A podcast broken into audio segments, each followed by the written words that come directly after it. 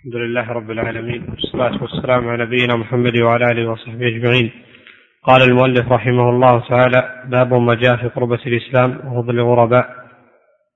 قول الله تعالى فلولا كان من القرون من قبلكم أولو بقية ينهون عن الفساد في الأرض إلا قليلا ممن أنجينا منهم. وعن أبي هريرة رضي الله عنه مرفوعا بدأ الإسلام غريبا وسيعود غريبا كما بدأ فطوبى للغرباء. رواه مسلم ورواه أحمد من حديث ابن مسعود وفيه ومن الغرباء قال المزاع من القبائل. وفيه روا وفي رواية من الغرباء الذين يصلحون إذا فسد الناس. وللترمذي من حديث من حديث كثير بن عبد الله عن أبيه عن جده طوبى للغرباء الذين يصلحون ما أفسد الناس من سنتي. عن أبي أمية قال سألت أبا ثعلب رضي الله عنه فقلت يا أبا ثعلب كيف تقول بهذه الآية؟ يا أيها الذين آمنوا عليكم أنفسكم لا يضركم من ضل إذا اهتديتم. قال أوما والله لقد لقد سألت عنها خبيرا. سألت عنها. أما والله لقد سألت عنها خبيرا. سألت عنها رسول الله صلى الله عليه وسلم فقال بل ائتمروا بالمعروف وتناهوا عن المنكر حتى إذا رأيتم شحا مطاعا وهوى متبعا ودنيا مؤثرة وإعجاب كل ذي رأي برأيه.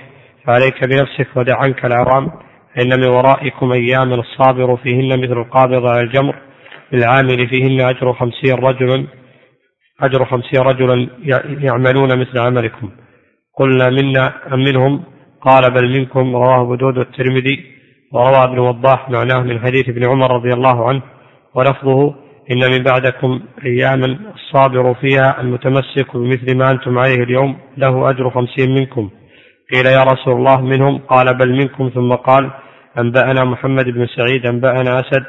قال سفيان بن عيينة عن أسلم البصري عن سعيد أخي الحسن يرفعه قلت لسفيان عن النبي صلى الله عليه وسلم قال نعم قال إنكم اليوم على بينة من ربكم تأمرون بالمعروف وتنهون عن المنكر وتجاهدون في الله ولم يظهر ولم يظهر فيكم السكرتان سكرة الجهل وسكرة حب العيش وستحولون عن ذلك فلا تأمرون بالمعروف ولا تنهون عن المنكر ولا تجاهدون في الله وتظهر فيكم السكرتان فالمتمسك يومئذ بالكتاب والسنة له أجر خمسين.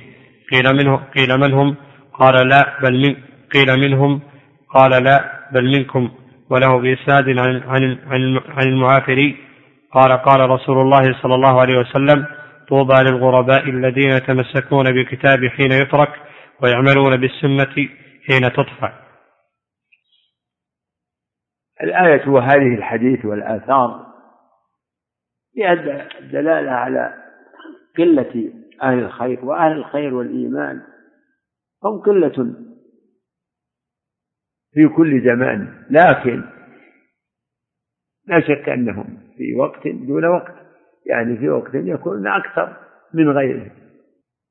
فالمتأمل في قصص الأنبياء يدرك قلة أتباعهم كما في حديث عرض الأمم النبي عليه الصلاة والسلام.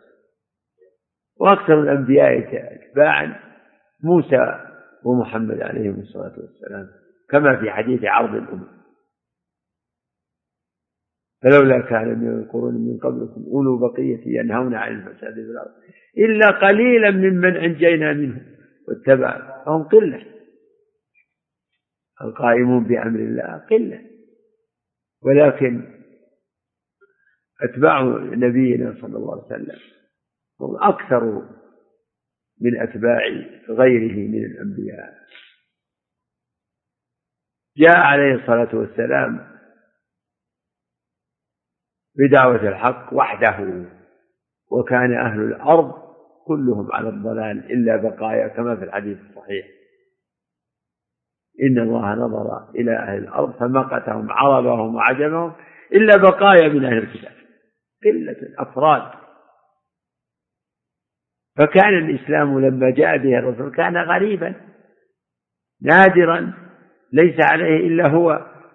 ثم بعض أفراد ممن آمن به من الرجال والنساء والمماليك أبو بكر وبلال وصهيب وعلي رضي الله عنه من الصغار وأم المؤمنين خديجة كان غريبا الإسلام غريب والكفر والشرك قد طبق الأرض. ثم يعني هدى الله من شاء ومكث النبي يدعو عشر سنين بمكة إلى آخر. ثم حتى آل الأمر إلى أن صار الناس يدخلون في دين الله أفواجا. فزالت الغربة بدأ الإسلام غريبا.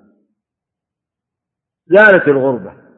وكثرت الأمة وفتحت الفتوح ثم صار بدأ النقص. والإسلام الآن باعتبار اسمه ليس غريبا مسلم كثير يقدر بمليار. ولكنهم قليل بالقياس إلى سائر الأمم أمم الكفر. العالم الآن يقدر بخمسة أو ستة مليارات. المسلمون ربعهم. ولكن الشأن في حقيقة الإسلام. وابن القيم يصور هذا إجمالا يقول ما معناه؟ إن المسلمين غرباء في العالم. و و أهل السنة غرباء في المسلمين. ورتبهم يعني إنها نسب. والمستقيم على المنهج الصحيح غرباء حتى في أهل السنة. غربة من غربة من غربة.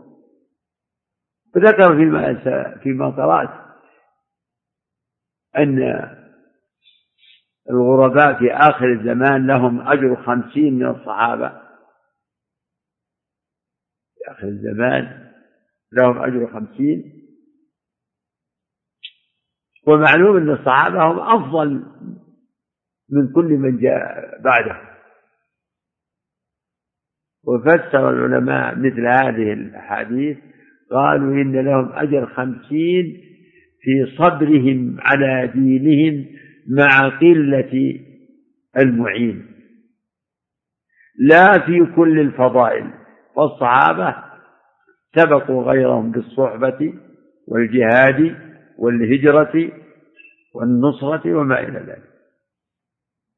أما هؤلاء الغرباء الذين من وصفهم أنهم يصلحون عند فساد الناس ويصلحون ما أفسد الناس بحسب استطاعتهم ففضلهم على الصحابة بهذا المقدار إنما هو في في جانب أو في معنى من المعاني الشرعية وهي صبرهم وتمسكهم بدينهم مع قلة الأنصار وقلة المعين والله أعلم.